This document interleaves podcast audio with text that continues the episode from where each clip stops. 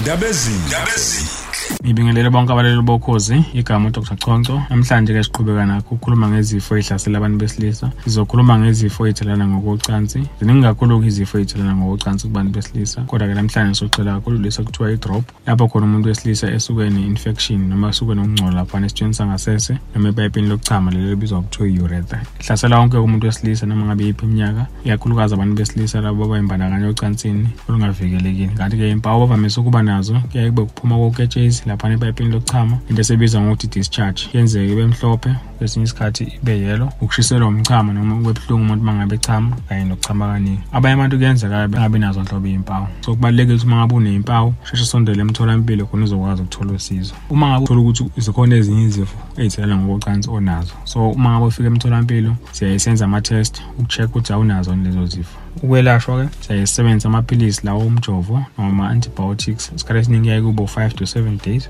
Amaphilisi-ke kubalulekile ukuthi uwaphuze uze uwaqede. Noma ngabe usuzizwa ukuthi usungcono noma usenazo iy'mpawu kubalulekile ukuthi uwaphuze uze uwaqede ngoba uyawuthola ukuthi umuntu uma esewaqalele amaphilisi emva kwensuku ey'ntathu usengcono bese amaphilisi uyawayeka amaphilisi kumele uwaphuze uze uwaqede uqinisekise ukuthi i-infection noma ukungcola iyaphela egazini. Enye into ebalulekile ukuthi ungayimbandakanye ocansini uzoqeda amaphilisi ukugwema ukuthelela abanye abantu ngalesifo enye into siyaye siyenze into ebizwa kuthiwa i-contact tracing la suke si-check-a khona ukuthi uzama ukukhumbula abantu oyimbandakanye nabo ecansini iy'nsukwini ezedlule ukuze nabo bezokwazi ukuthola usizo. Ngoba isikhathi esiningi uyawuthola ukuthi umuntu wesilisa uma ngabe efika nale nkinga nowesifazane lo kade eyimbandakanye naye nayo nenkinga efanayo. So kubalulekile ukuthi atholakale khona naye ezokwazi ukuthola usizo. Uma ngabe-ke ungatholanga i-treatment noma ungeleshwanga iy'mpawu ziyaphuza ukuphela emzimbeni. Isikhathi esiningi kuyaye kube inyanga noma kuyisikhathi la khona ukwazi ukuthelela khona abanye abantu. So kubalulekile ukuthi uma ngabe uney'mpawu usheshe usondele emtholampilo khona uzogwema ukuthi uthelele abanye abantu. Ukuzivikela-ke into ebaluleke kakhulu nje ukusebenzisa ijazi lomkhwenyana ngaso sonke isikhathi uma ngabe uye ocansini ngoba akusona sodwa lesi njengoba ngishile ukuthi ziningi ezinye izifo ey'thelana ngokocansi ongayithola. So kubalulekile ukuthi usebenzise ijazi lomkhwenyana ngoba ijazi lomkhwenyana liyivikela zonke izifo ey'thelana ngokocansi isikhathi esiningi. So ukuyivikela nje kubaluleke kakhulu ukuthi usebenzise ijazi khona uzogwema ukuthi ube nale sifo lesi. Uma ukhona nemibuzo engayishiya kanti-ke nasey'nkundleni zokuxhumana ngiyatholakala.